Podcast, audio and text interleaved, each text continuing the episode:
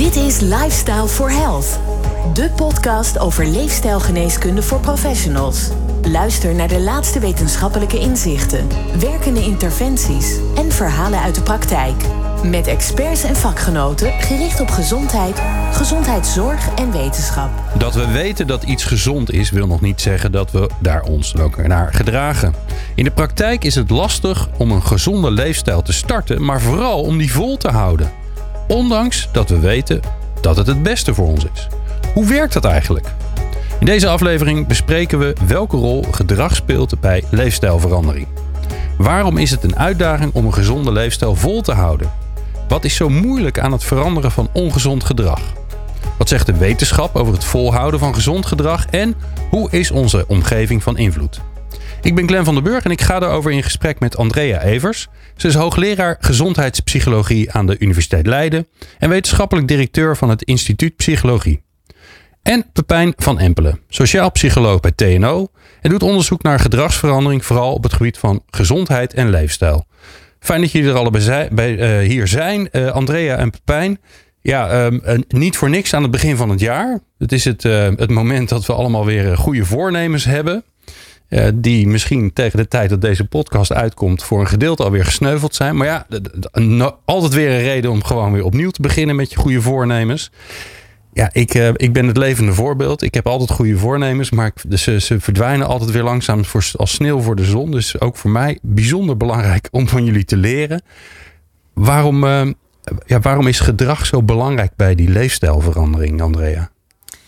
Nou, ons gedrag is iets wat we natuurlijk altijd met ons meenemen. En we zijn allemaal gewoontedieren. We doen graag hetzelfde steeds. En dat heeft er alles mee te maken dat als we altijd maar datzelfde doen, dan kost het minder energie. Dus evolutionair gezien, biologisch zeg maar, zijn we een beetje geneigd om patronen te vinden.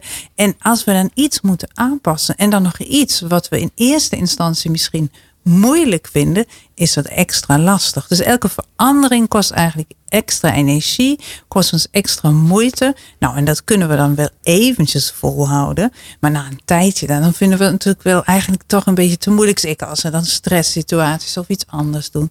Dus de complexiteit van ons gedrag aanpassen en dat op lange termijn volhouden, dat onderschatten we gewoon. Omdat het niet alleen maar iets is wat we zelf gewoon psychologisch gezien lastig vinden, maar ook echt gewoon vanuit een evolutionair standpunt vinden we dat eigenlijk helemaal niet fijn. Ja, het gekke is, jij zegt hè, dat kost ons veel energie. Ik zou dan zeggen, nou dat is hartstikke mooi, want dat moeten we juist verbranden vaak. Tenminste, ik mag, ik mag wat, wat kilootjes kwijt en dan moet ik juist energie opmaken. Maar blijkbaar zit ons, uh, ons lijf en ons brein zo in elkaar dat we energie willen besparen. Precies, dat is eigenlijk wat we in de biologie zien. We willen eigenlijk genoeg voedsel hebben. En eh, zodra we eigenlijk voedsel zien, dan, dan ontstaat er dat oude mechanisme. Nou, ga maar zoveel mogelijk eten. Dan heb je genoeg. Dan kom je de winter er zo goed mogelijk doorheen. Natuurlijk niet aan onze westerse maatschappij aangepast, waar we voedsel in overvloed hebben. En juist het tegenovergestelde probleem is. Nou ja, en net zo eigenlijk beweging. Ja, Vroeger ze gingen natuurlijk veel te veel bewegen en juist inderdaad dan overbelasten. En dan had je geen energie meer. Terwijl nu moeten we juist ons best doen om meer te bewegen en daar weer energie van te krijgen. Dus ja, biologisch gezien is het, zitten we in een hele gekke maatschappij. En uh, moeten we ons dus extra discipline in die zin opleggen om nog juist die goede dingen te doen. Maar ja, dat is eigenlijk een soort extra stressfactor die we dan weer krijgen. En dat proberen we heel graag te vermijden. En stel nou, hè, in de eerste week van januari, dan heb je nog hele goede voornemens. Maar in de tweede week van januari, dan heb je alweer al je alledaagse stress en zo. Ja, dan vinden we het al helemaal moeilijk. Hè? Omdat, Want dan begint het gewone leven eigenlijk weer. Ja, dan begint het gewone leven meer. Maar ook um, gewoon het feit dat je dan weer uitgedaagd wordt op allerlei andere dingen, maakt het moeilijker om juist uh, dit soort dingen dan nog vol te houden. Om, ja, het kost je extra energie, extra moeite. Dus um, daar moeten we echt extra ons best voor doen. En we moeten het uiteindelijk, uh, daar komen we zo dan nog uitgebreid over, echt een beetje leuk maken voor onszelf. Om het toch echt op lange termijn vol te houden. Ja. ja wat is dan het, waarom is gedrag dan zo belangrijk als je kijkt naar want daar hebben we het natuurlijk in Lifestyle for Health over. Over, over leefstijlgeneeskunde, die leefstijlgerelateerde uh, ziektes. Hoe, hoe ligt die link tussen die twee? Nou, we zien eigenlijk als het uh, over allerlei chronische ziekten gaan. Hè, dat uh, neem iets als kanker of diabetes. ja, in de algemene zin overgewicht en dat soort dingen. Dan zien we dat er altijd leefstijlcomponenten een belangrijke rol spelen. Dat, dan hebben we het over voeding, bewegen, roken, alcoholgebruik. eigenlijk is doorgerekend dat zo'n 20% van de ziektelast die we eigenlijk hebben, te relateren eigenlijk aan leefstijl. Ja. dus leefstijl speelt een hele belangrijke component. wordt steeds belangrijker eigenlijk. Uh, daar waar we bijvoorbeeld andere dingen zoals infecties en dergelijke steeds meer onder controle hebben. Ja, meer en daar een virus aangelaten. Precies. uh, en dat betekent eigenlijk dat ja, het oplossen in termen van ook bijvoorbeeld medicatie, dat is wat dat betreft symptoombestrijding eigenlijk. Dat, en we moeten dus ook wel meer doen aan leefstijlverandering. en dat kost dus gewoon moeite. Nou, als je, als je tot nu toe alle afleveringen van Lifestyle for Health, de podcast, hebt geluisterd, dan, dan zijn mij twee dingen bijgebleven die bijna in elk gesprek naar voren kwamen. Namelijk meer bewegen. En mhm. vooral niet intensief. Dus wandelen is een soort wondermiddel. Um, en het tweede is uh, gezond eten. Waar je natuurlijk urenlang over kan praten wat dat dan is. Maar dan moet je even de andere podcast luisteren. Maar de, de uitdaging is natuurlijk, dat weten is één. Mm. Waarom doen we dat dan niet? Ja, ja eh, wat dat betreft, eh, het weten, hè, en dat weten we ook eh, van bijvoorbeeld roken, dat eigenlijk weet iedereen dat het niet goed voor je is. Dat, maar vervolgens, ja, dit ene laten of het andere doen, dat, het moet wel passen in je dagelijks leven. Dat, nou, zoals André net aangaf, hè, dat we zijn wat dat betreft gewoonte dieren. Dat dus eigenlijk veranderingen uh, maken, uh, dus bijvoorbeeld meer gaan bewegen of andere voeding, dat vereist gewoon dat je ja, je dagelijks leven op een andere manier gaat inrichten. Dat, en wat dat betreft is het ook belangrijk dat op het moment dat je een verandering maakt, dat je eigenlijk beter kunt kijken naar kleine veranderingen die eigenlijk inpasbaar zijn.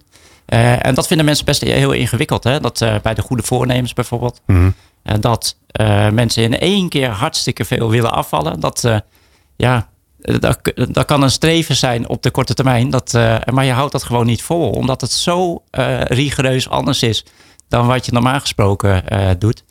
Dus wat dat betreft, ja, kleine stappen. Ja. Je noemde al even het roken, hè? Waarbij, waarbij ik dan denk, ja, dat is verslavend. Mm -hmm. maar kiezen tussen een, een frikandel uh, of een eh, broodje gezond. Of sterker nog, liever nog uh, een salade.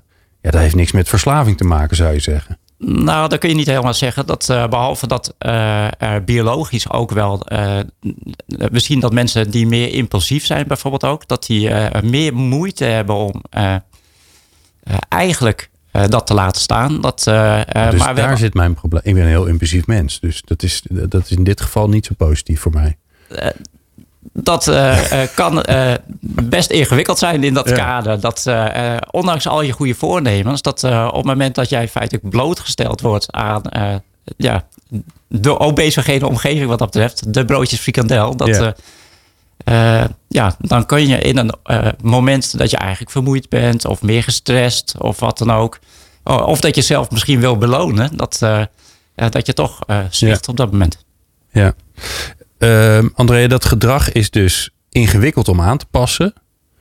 Um, kan jij daar nog eens even induiken hoe dat gedrag dan in elkaar zit? want we hebben het alsof het één ding is. Maar ja, het is, het is alles wat, we, wat, we, wat je ziet wat iemand kan doen. En dat is nogal veel. Dus, dus als je nou moet, moet uitleggen hoe gedrag in elkaar zit, hoe, hoe werkt dat dan? Nou, het belangrijkste verschil wat je eigenlijk moet maken is dat tussen ons bewust gedrag en wat we ons voornemen en zeg maar dat wat allemaal onbewust is, hè, waar we eigenlijk een beetje zin in hebben en wat we misschien niet altijd willen toestaan dat dat dan zo is, maar hè, eigenlijk vinden we het ook heerlijk om op de bank te hangen en maar even een lekker filmpje te zien en de chipjes daarbij. Uh, tegelijkertijd het bewust zeggen we ja, ik, wil ook, ik ben heel ambitieus en ik wil heel hard werken en heel veel bewegen. Maar ja, tijdens het bewegen vind je dat eigenlijk helemaal niet zo fijn.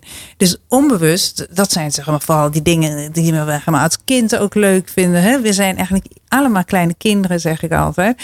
En vinden een leuke beloning leuk. En, en alles wat er omheen is. Dus we zijn heel erg gevoelig voor alles waar we blij van worden. Dus als je niet primair meteen van iets blij wordt. Ja, dan is dat meestal iets wat je onbewuste niet zo fijn vindt. En wat je uiteindelijk toch een beetje probeert te vermijden. Of je laat je dan na een tijdje weer zitten. Dus de truc is eigenlijk om te begrijpen dat de onbewuste component van ons gedrag ongeveer 80% is. Dus richt je leven vooral zo in dat het wel een beetje leuk is en dat je daar lol in hebt en dat je daar iets van maakt. Waardoor je die 80% ook meekrijgt. Omdat ja, die 20% van die wilskracht, dan red je het gewoon niet mee. Hè? Mensen denken altijd, ja, het is wilskracht. Maar het is zoveel meer. Het is ook je omgeving. Maar dit is, je zegt nu iets wat volgens mij heel belangrijk is voor iedereen die uh, ongeveer 3000 keer met een dieet is begonnen en het nooit heeft volgehouden. wilskracht heb je dus nodig. Ja. Maar daar ga je het niet mee redden per definitie. Precies. Dus als het je niet lukt, dan betekent het dan dat je niet genoeg wilskracht hebt? Of betekent het dan dat je misschien iets anders anders zou moeten doen? Uh, het betekent eigenlijk dat je de andere factoren die naast de wilskracht een rol spelen, eigenlijk niet genoeg hebt meegenomen. He, 20, 30 jaar geleden dacht men inderdaad ook nog in de psychologie, het is vooral wilskracht. En als maar de kinderen genoeg wilskrachten aanleren, dan zal dat vanzelf goed gaan. Nou, en dan heeft men bijvoorbeeld gekeken en, en gezien dat is natuurlijk veel en veel meer factoren, zoals die impulsiviteit die je net genoemd werd, maar uh, eigenlijk alle beloningsstructuren bijvoorbeeld onze omgeving speelt een enorm grote rol. Hè? Is het bijvoorbeeld zo dat je nu naast drie fastfoodrestaurants gaat, dan heb jij dus een grote behoefte om daarna dus iets ongezonds te eten. Omdat dus je ze gewoon tegenkomt. Omdat je onbewust slaat jouw geheugen dat gewoon op. En wat we herkennen, wat bekend is, dat is ook het effect van reclame bijvoorbeeld. Hè, waardoor we na drie keer Coca-Cola reclame opeens in de koelkast, als je dan een cola hebt dan ga je toch precies. Heb je dat ding ineens in je hand? Heb je in je hand, terwijl je hmm. hebt niet eens bewust die keuze daarvoor gemaakt. Nou, dat maakt dus eigenlijk dat je zowel die omgeving als eigenlijk alles wat je zelf beïnvloedt, optimaal op je gedrag moet afstemmen op een manier. Oké, dus je hebt wel wilskracht nodig, maar je, je, het helpt je maar een beetje. Nou, het helpt je ontzettend veel als je het op een manier inzet die ook die andere factoren meeneemt. Ik geef even een voorbeeld. Stel je bijvoorbeeld, je hebt een hartstikke goed voornemen. En die wilskracht, die zet je nu daarvoor in bijvoorbeeld om juist die situaties al voor te zijn die voor jou heel moeilijk zijn. Ik weet niet wat voor jou een situatie moeilijk is, maar voor ons bijvoorbeeld vaak. Als we echt moe zijn, negen uur s'avonds. Nou, ja, munchies krijg nou, ik dan. Het eerste wat ik ze zou zeggen, maak nou een plan voor de negen uur s'avonds. En dat is heel leuk om dan zo'n plan te maken. En dan heb je dan weer een heel ambitieus plan wat je wilt maken. Nou, dan zou ik ook niet zomaar mee akkoord gaan, omdat gaat dit ook niet. Maar misschien moet je dan een plan hebben, juist om negen uur s'avonds, om toch iets leuks dan te kunnen doen. Waardoor je dat een beetje kunt compenseren. Dat je nou net niet die chips of die, dat biertje of wat dan ook hè, mag pakken. Het is wel grappig dat je dat zegt. Want ik heb dat nu. Eh, ik, ga, ja, ja, ik, kan, ik ben ook menselijk. Dus ik ga ook bij alles ook weer over mezelf nadenken natuurlijk. Ik, ik ben zijn nu in Hilversum. Ik woon in Wageningen. Ik rij naar huis. Straks ook. Meestal rij ik voor de files uit. Dus dat is nou, een uurtje of vier, half vijf dan is ondertussen mijn lunch wel verteerd en die heeft zijn werk gedaan. Dus dan krijg ik ook trek. En ik rij langs, geloof vier benzinepompen. Daar kan je heel makkelijk stoppen en dan kan je bijna niks gezonds eten. Ik heb het laatst gedaan. Het is me op wilskracht gelukt om bij drie benzinepompen te stoppen. En nergens hadden ze iets gezonds. Ik ben doorgereden. Daar ben ik heel trots op. Wat ik tegenwoordig doe, uh, dus ik heb daar een plan voor bedacht. Is om je hebt van die kleine zakjes worteltjes. Nou. Dus die koop ik. Die liggen in mijn auto. Het het nu koud is. Dus ze blijven lekker koud. En ik eet gewoon dus dan. Want ik krijg dan... Ik heb A niks te doen in de auto. En ik krijg dan de munchies. Dus dan, uh, dan eet ik worteltjes. En dan heb ik nergens last van. Maar ze moeten er dan wel zijn. Dus ik moet wel organiseren dat het er is. Nou, stel je nou voor, en nu een van de luisteraars die zegt, ja, leuk plannetje, maar ik haat worteltjes. Ja, tomaten. Ik haat tomaten. Nou, bedenk dan iets wat jouw goed alternatief is. Dus cruciaal is dat je nou niet denkt: oh, dan moet ik maar meer wildkracht hebben en dan lukt me en dat. En maar doorrijden, ja. Nee, nee, kijk naar een oplossing die bij jou past en die jou toch nog dat goede gevoel geeft. Omdat als jij niet ervoor zorgt dat jij zelf dat goede gevoel krijgt, je zult het gewoon niet volhouden. maak het ook een beetje leuk voor jezelf. Heel goed. Hele mooie tip. We gaan er straks nog meer van horen, Pepijn. Laten we uh, al onze luisteraars, die er misschien, misschien stiekem zelf ook wel een beetje, een beetje mee worstelen, maar vooral natuurlijk al hun cliënten, patiënten, uh, mensen die ze helpen in hun, in hun vak. Hoe kan je nou gedrag veranderen? Dus hoe kan je nou helpen om dat gedrag te veranderen? Je zei al even, niet met een grote klap, maar kleine stapjes. Dus die hebben we alvast. Wat zijn nog meer dingen die uh, nodig zijn als je je gedrag wil gaan aanpassen?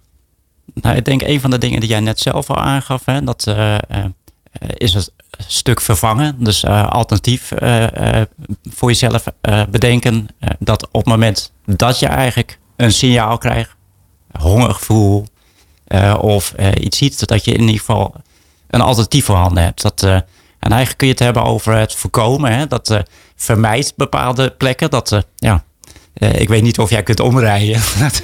maar, Al een uh, ja. precies, dat is misschien niet het meest makkelijke. Dat maar voorkomen is natuurlijk. dus bijvoorbeeld dat jij beperkt of geen bier in huis haalt. Of die zak chips niet aanschaft. Zorgt er in ieder geval voor dat op het moment dat je die impuls voelt. dat je überhaupt niet eigenlijk op die manier reageert. Dat, ja.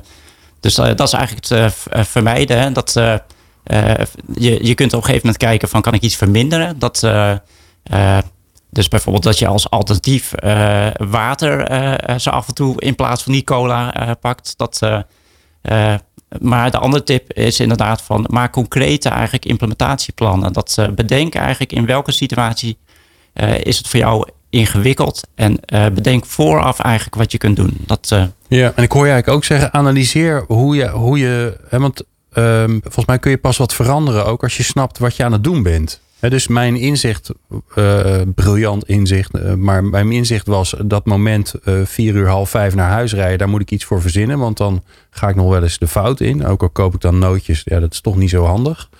Um, maar daar, daar kom je pas achter als je gaat bedenken van ja, wanneer, wanneer zijn eigenlijk de momenten dat ik eigenlijk ongezonde of minder gezonde dingen doe. Precies. Dat, uh, dus belangrijk is dat behalve je goede voornemen, dat je uh, ja, concrete doelen stelt. Maar ook dat je eigenlijk monitort van uh, ja, waar lukt het wel. Hè? Want dat, daar, van je ervaringen kun je ook leren. Dat, en wanneer lukt het eigenlijk niet. Dan, en dan is het belangrijk dat je niet denkt, ja, het is helemaal niet gelukt, dus ik kap ermee. Dat, maar het is de vorige keer wel gelukt. Hè? Het is misschien een keer een terugval. Dat, okay. Dus weet niet te hard voor jezelf. Ja, ja.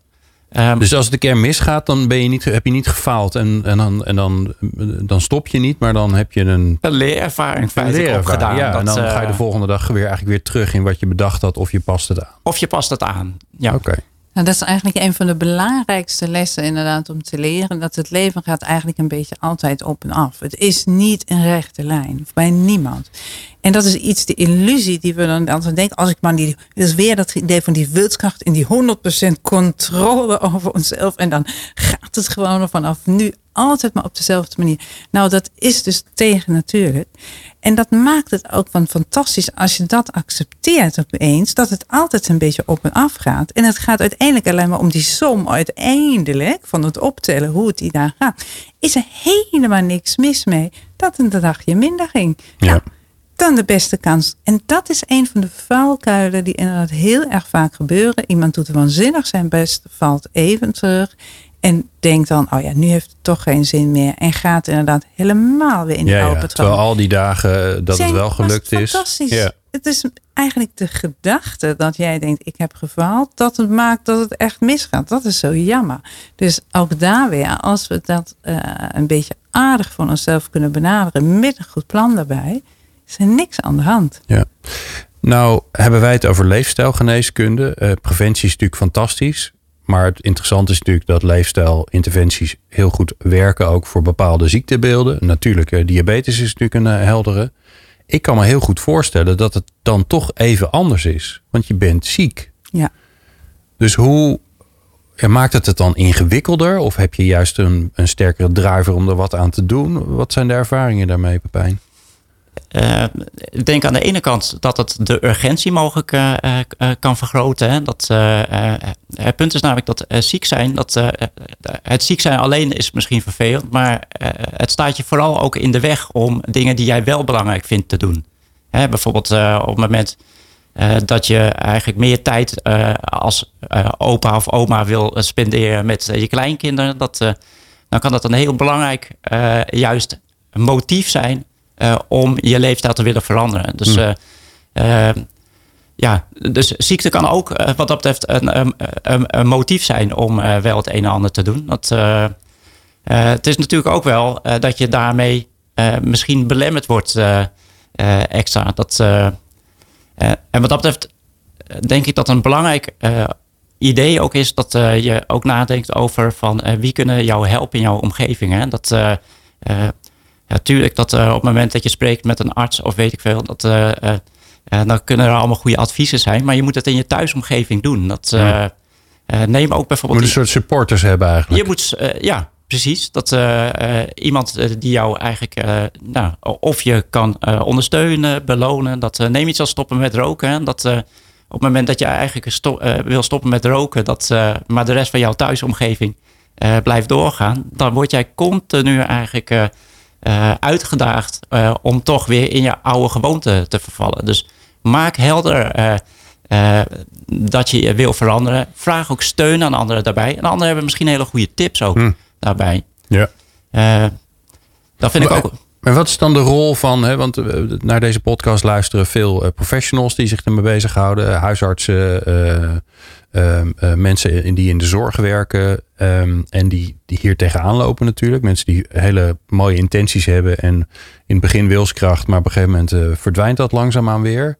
Ehm, en, en dan stoppen ze, wat natuurlijk doodzonde is.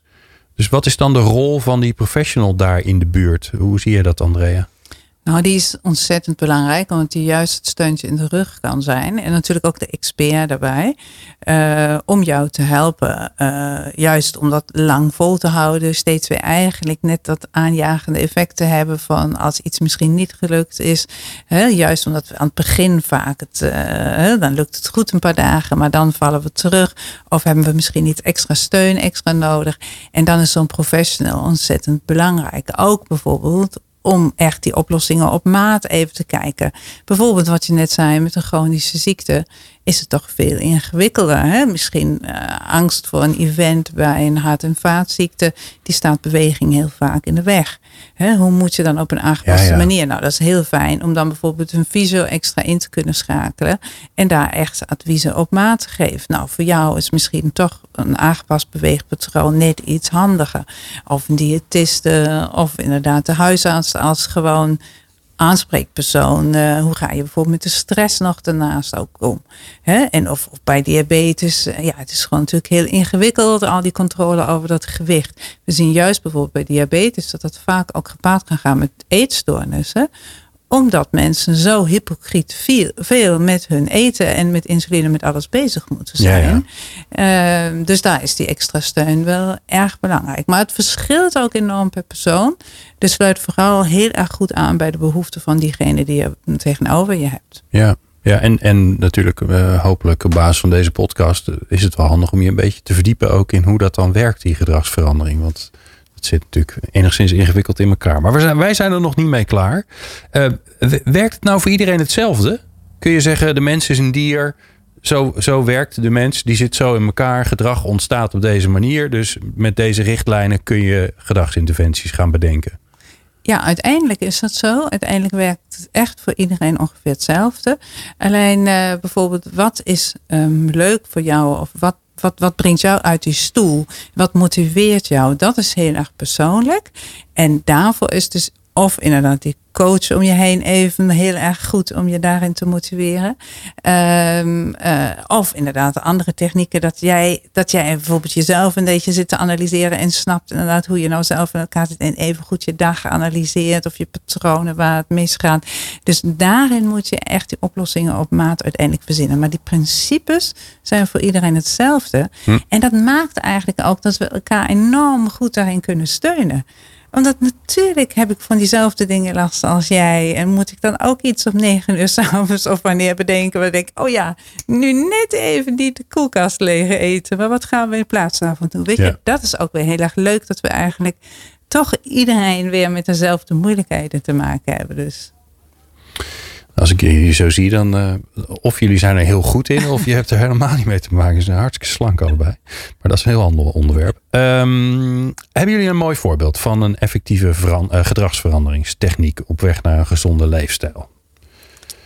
Pepijn zit gelijk, uh, ja, je kijkt naar boven, dus je bent aan het visualiseren, heel mooi. Nou, we, we hebben bijvoorbeeld daar wat gaat over mensen met diabetes. Dat hebben we eigenlijk gewerkt met ook buddy support. Dat, en dat betekent eigenlijk dat mensen vinden het best moeilijk in hun eigen situatie om zich weer te motiveren. Dat, en het valt ook tegen. Dat, en door ook te praten met een ervaringsdeskundige, dat, en die eigenlijk een stok achter de deur ook is. Dat, die jou kan ondersteunen. Dat, en die jij op gezette momenten, ja, dus niet alleen die één of twee keer per jaar dat je misschien een keer contact hebt met een arts, maar gewoon eigenlijk regulier jou kan blijven motiveren, ondersteunen en ook snapt dat het ingewikkeld kan zijn, kan heel stimulerend mm. zijn. daarvan hebben we inderdaad gezien dat mensen het langer kunnen volhouden. Dat dat het ook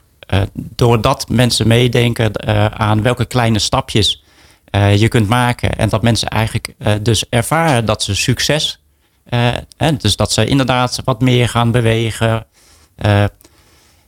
dat is heel relevant. Dat, en ook het samen met andere mensen die verandering doormaken. Dat, dan gaat het niet zeggen over de gedragsverandering als zodanig. Maar uh, en een motief hoeft dan niet gezondheid te zijn. Maar het met andere mensen doen maakt het misschien ook wel leuk.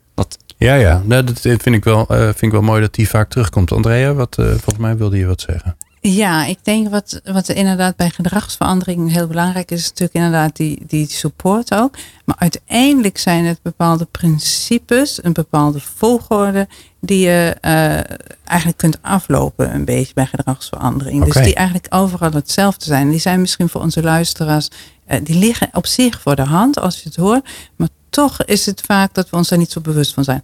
Nou, het eerste is eigenlijk inderdaad graag even analyseren en bewust worden van hoe en wat. Het tweede is eigenlijk een goed doel stellen. En het eerste is natuurlijk een lange termijn doel stellen. En weten waar je naartoe wil. Maar dan vooral eigenlijk die kleine subdoelen plaats, uh, uh, bepalen. Van wat ga ik dan inderdaad deze week proberen. Volgende week heel concreet maken. En dan een plan de campagne maken. Hoe je dat in je dagelijks leven wilt bereiken. En daar is een hele belangrijke tip. Hoe concreter, hoe beter. Uh, aanvullend daarop kijk naar je situaties die lastig zijn. Vooral iedereen zegt, ja, ga ik zeven dagen in de week doen. En vervolgens vraag ik altijd, nou, en in het weekend dan, oh ja, oh, um, nou, het weekend was toch net iets anders. Mm. Of inderdaad, uh, s'avonds op de banken van je. Uh, en kijk dan vooral inderdaad, wat, dan, wat zou je dan doen als je dan toch het even niet lukt? Omdat het bij iedereen zo dat sommige dingen niet lukt. Wat ga je dan vervolgens doen? En dan is bijvoorbeeld zo'n buddy dan weer fantastisch. Hè? Om dat dan juist samen met iemand te doen, dit hele plan. Maar uiteindelijk kun je dus voor jezelf een heel mooi plan uitstippelen. Of inderdaad, als je zelf de coach bent met jouw cliënt, patiënt. En als je dan inderdaad nog zo'n buddy systeem eromheen zoekt, dan heb je wel een heel mooi startpunt om daarmee aan de slag te gaan. En hoe kan dit nou, hè, deze kennis die jullie uh, samen bezitten, en er zijn ongetwijfeld nog meer specialisten in Nederland die zich hiermee bezighouden. Hoe kan dat nou bijdragen, hè, eh, de kennis over gedragsverandering, over hoe je dat kan toepassen, aan die hele beweging van de leefstijlgeneeskunde? Nou, dat is ons, kijk, uiteindelijk is het uh, hoofdprobleem is daarin gedrag. En dat zien we natuurlijk ook zelf eigenlijk in de COVID-pandemie. Ook daar zien we dat het hoofdprobleem is eigenlijk die gedragsverandering. Dat mensen moeilijk vinden zich eraan te houden of willen niet. En het draagvlak dan weer een probleem is allemaal met gedragsaspecten te maken. En als we dat uh, niet goed begrijpen, dat dat eigenlijk een hoofdcomponent is, ja, dan, dan uh, als we toch altijd maar op dat pilletje wachten wat het moet mm. oplossen, dan zullen we dat niet oplossen. Dus het is uiteindelijk een van de meest centrale componenten. En het lastige is altijd dat we altijd 17 miljoen experts op dat gebied hebben en denken, oh ja, maar dat weet iedereen toch eigenlijk. Ach, daar hoeven we toch niet meer zo moeilijk over te doen of ons heel erg druk om te maken. Jawel, dat moet moeten we wel. Dan moeten we het eigenlijk met z'n allen de hele dag over hebben. En elkaar enorm veel steunen en helpen daarin. Maar ook vooral echt een expertise zien hoe complex het is. En daar echt werk van maken. Dus uh, bijvoorbeeld ook met overheidssubsidies. Als je kijkt hoeveel wordt er nou aan leefstijlondersteuning uitgegeven. Nou dat is haast niks of aan preventie. Terwijl het zo belangrijk is voor onze gezonde maatschappij. Dus daar is echt nog een verre weg te gaan. Ja, en ik hoor je eigenlijk ook zeggen, Andrea, de, uh, er is redelijk wat voorlichting uh, over wat is gezond en wat is niet gezond. En er zou wel eens wat, en dat wil niet zeggen dat dat minder moet, maar er zou wel wat meer mogen naar, oké, okay, maar dat is leuk om te weten, maar hoe pas je je gedrag daar nou eigenlijk hoe aan? Ga je aan? Ja, mensen zijn eigenlijk dagelijks uh, met z'n 17 miljoen een beetje gefrustreerd van hoe moet je dit eigenlijk wel goed doen. Ja. En je zou dat kinderen op school al, uh, echt op basisonderwijs, leer dat hun. Uh, wat kun je daarin doen? En ik moet zeggen, er komt steeds meer aandacht voor. Maar dat gaat echt in hele kleine stapjes. En wat heel erg schrijnend is, is dat er zowel in de bevolking een enorm behoefte is om deze kennis te hebben als bij professionals. En we toch vanuit ons gezondheidszorgsysteem daar heel erg weinig uh, gelden aan besteden. Ja, dat is wel schrijnend soms. Ja. Er ligt natuurlijk ook een, een, een rol voor zeg maar, de, ja, de, de, de, de curatieve zorg, de huisartsen en, en, en alles wat daar, daarachter wegkomt. Um, hoe, hoe zouden die nou kunnen samenwerken met elkaar om eigenlijk ook met elkaar te helpen om individuen, burgers, uh, hopelijk nog geen patiënten, maar uiteindelijk misschien wel patiënten, om die ook te helpen om die gedragsverandering voor elkaar te krijgen? Pepijn. Ja, je ziet dat voor veel uh, uh, ziektes, ja, medicatie niet altijd de oplossing is. Dat, en zelfs bij medicatie hè, gaat het ook over het stukje compliance. Dat, hoe zorg je dat mensen het volhouden? Dat, het is wat dat betreft mooi dat eigenlijk ja, huisartsen, andere zorgprofessionals steeds vaker zien eigenlijk dat je meer moet doen dan alleen een stukje adviseren. Dat, want je kunt wel vertellen dat iemand iets moet doen. Stoppen met roken, dat gezonder eten. Dat, maar het hoe is daarin heel belangrijk. Dat, en dat moet ook wat dat betreft voor de zorgprofessional best frustrerend zijn als je een advies geeft en vervolgens gebeurt er niks mee. Dus dat betekent ook een uitdaging voor een professional om meer te snappen eigenlijk over het stukje gedragsverandering. En hoe je iemand dus ja, beter, concreter kunt adviseren en ook helpen om daadwerkelijk die verandering te maken. Ja. Wat, wat zouden jullie, ik kan me heel goed voorstellen dat luisteraars van ons denken, ja, ik was er eigenlijk al in geïnteresseerd, maar dit is het laatste duwtje wat ik zelf nodig heb om, om me nog meer te verdiepen in hoe gedrag nou in elkaar zit. Wat zou jullie advies zijn? Wat, wat moeten ze lezen? Moet natuurlijk sowieso naar jouw colleges toe, uh, Andrea. Ze kunnen natuurlijk ongetwijfeld een hele mooie opleiding bij, bij jou uh, volgen in Leiden. Maar wat zou je ze adviseren? Is er een mooi boek daarover? Of een, uh, of een, een, een college-reeks die je ergens kunt luisteren? Pepijn, heb jij een idee? Nou, nee, ik, ik ken hele leuke artikelen wat dat betreft, maar die zijn niet zo toegankelijk. Dat, ja, ja, dat is allemaal wetenschappelijk onderzoek waarschijnlijk. Ja. ja, ja, ja. Dus ik heb niet concreet meteen. Ja. Andrea? Nou, er zijn natuurlijk op dit moment heel erg veel studies. Inderdaad, niet alleen maar in Leiden, maar ook in heel veel andere universiteitssteden. Maar op de universiteiten worden wel hele mooie opleidingen van psychologie tot gezondheidsbevordering tot, tot, tot. Maar dat zijn vaak een beetje universitaire opleidingen, maar ook op HBO-niveau. Uh, eh, maar heel veel, denk bijvoorbeeld aan die health coaches. Hè? Hmm. Nou, dat schiet uit de grond. Het grootste probleem daar vind ik eigenlijk dat er geen goed kwaliteitskeurmerk uh, aan zit. En we daar echt nog voor moeten zorgen. Dus ik zou altijd tip geven, kijk rustig in je omgeving, maar wees kritisch. Want is het wetenschappelijk onderbouwd? Is het aan een academische instelling een beetje geleerd? Nou, dan heb je daar vaak hele goede opleidingen. En ik kan me voorstellen dat er nu zoveel onderzoek gedaan wordt dat we eigenlijk uh, ja, wat we vorig jaar wisten, dat, uh, uh, dat is ondertussen al zoveel meer geworden dat het ook ingewikkeld is om het bij te houden. Het is absoluut ingewikkeld om dat bij te houden, juist omdat het zo populair is. Anderzijds is het ook wel zo dat er echt, wat Pepijn eigenlijk ook zegt, echt hele goede trainingen voor al die health professionals die daar behoefte aan zouden hebben, zijn er nog veel te weinig. Neem bijvoorbeeld ook die health coach opleidingen. Dat is iets heel nieuws. Het was van de laatste jaren. Uh, mensen zijn erover best enthousiast. Maar zoals ik zei, is er soms ook een beetje wildgroei. Dus wees daarin ook kritisch in dat aanbod. En um, uh, ja, probeer inderdaad vooral te kijken inderdaad waar je ziet dat het inderdaad een stukje wetenschap onderbouwd is, serieuze uh, uh, evidence eronder zit, dat het ook echt een, ja, een soort kwaliteitskeurmerk heeft. Alright. Nou ja, um, om af te sluiten, we hebben um, een flink aantal mensen gevraagd om te reageren op een, op een klein onderzoekje wat we hebben gedaan. Ik weet niet of het wetenschappelijk verantwoord is, maar uh, de uitkomsten zijn in ieder geval wel grappig. We hebben eigenlijk iedereen gevraagd. Ieder, ieder jaar starten mensen het nieuwe jaar met goede voornemens. Zoals stoppen met roken, meer sporten, gezonder eten. Nou, ga ze maar door.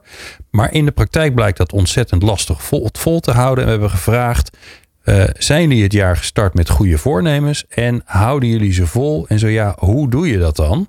En daar waren vier mogelijke antwoorden. Ik hou ze vol door mijn eigen planning. Ik hou ze vol doordat mijn omgeving me helpt. Ik hou ze vol door mijn eigen discipline, hè, mijn wilskracht.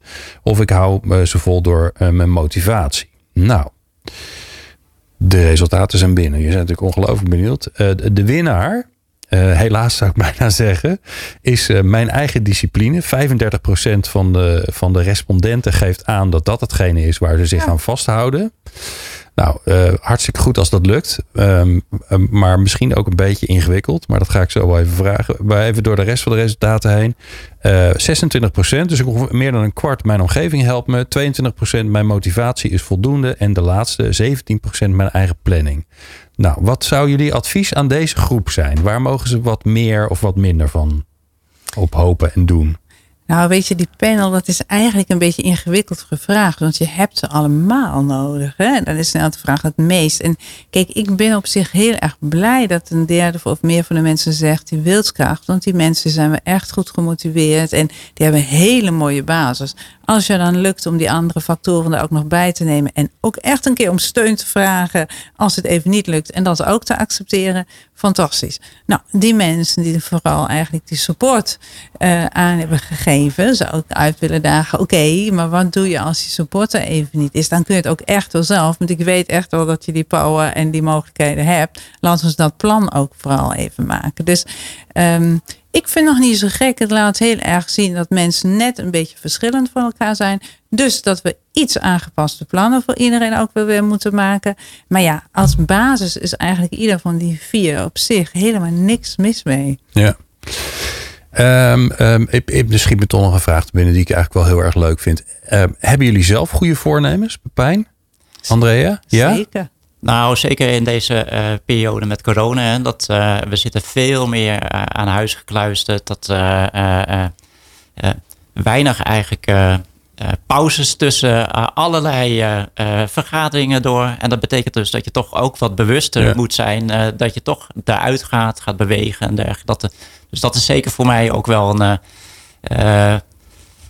een aandachtspunt om. Uh... En, en hoe, um, hoe heb je het voor jezelf georganiseerd zodat je dat vol gaat houden? Daar ben ik dan wel benieuwd naar. Of nou, de schoenmaker uh, uh, op hele mooie glimmende schoenen loopt, of dat ze stiekem ook kapot zijn. Nou, dat betekent dat ik het leuk vind om met bijvoorbeeld andere mensen te wandelen. Dat, ah, okay. dus het, het wandelen aan zich misschien niet. Dat maar ik vind bijvoorbeeld ook fotograferen heel leuk. Dus dan, uh, uh, dan neem ik het fotostel mee. Dat, uh, dan... Zo kun je dus een aantal dingen doen om het toch leuk voor jezelf te maken. Oké, okay. oh, dat is een hele goede. Andrea, jij, hoe, hoe, ga je het volhouden? Dat is het leuke dat ik ook met beweging juist van die dingen heb. En ik ben bijvoorbeeld de eerste dag van corona meteen s ochtends gaan hardlopen. En sindsdien heb ik een ochtendhardlooproutine om zeven uur om te gaan lopen. En in het begin was ik heel fanatiek. Het is wisselde natuurlijk ook wel wat. Toen was ik ook even gefrustreerd van, oh ja, maar nu wisselt wat. Nou, en op een gegeven moment merkte ik, ja, maar dat is totaal onrealistisch om dat vol te houden. Om elke ochtend om zeven uur ook te blijven lopen. Dat is ook helemaal prima als jij hè, drie, vier keer per week loopt. Nou, en dat uh, uh, gaat natuurlijk ook een beetje wisselend. Maar sinds het begin van de coronacrisis ben ik daarmee begonnen. En uh, probeer daar mijn eigen schema van te maken. En wat ik aan dit voorbeeld zo leuk vind, ik wist het ook niet van Pepijn. Maar dat, weet je, hij heeft hetzelfde doel. Maar hij lost het heel anders op in zijn eigen omgeving. Ja. Maar we beide lossen het op een manier op die in ons leven past. Want ik heb vaak zo'n drukke dag dat het de rest van de dag dan lastig wordt. En uh, ja, zo heeft iedereen dan weer zijn eigen oplossingen. Maar ook zijn eigen uitdagingen natuurlijk. Ja, het leven, ja, wat ik zei, het gaat altijd een beetje op en af. Er zijn altijd periodes waar het net wat uitdagender is. En hm. ja, daar gaan we dan ook vrolijk mee door. En kijken inderdaad hoe we het daar dan weer op kunnen aanpassen. Nou, dat is in ieder geval een, fijne uh, algehele boodschap van deze podcast. Dat we niet zo streng voor onszelf hoeven te zijn. Ja, dat, we, zeker. dat ook wij maar mensen zijn. en jezelf belonen hè? Ja, maar dan niet met... Uh, met, de goede dingen in het niet, leven. Niet met fastfood, maar, maar met andere dingen die, die leuk en gezond zijn. Ik dank jullie zeer. Ik vond het bijzonder interessant uh, en uh, fijn uh, dat jullie het allemaal zo helder hebben uitgelegd. Andrea Evers, hoogleraar gezondheidspsychologie aan de Universiteit Leiden. En Pepijn van Empelen, sociaal psycholoog bij TNO. En jij natuurlijk, dankjewel voor het luisteren. Dit was Lifestyle for Health. Wil je meer informatie? Of wil jij onderdeel worden van de Lifestyle for Health community? Ga dan naar lifestyleforhealth.nl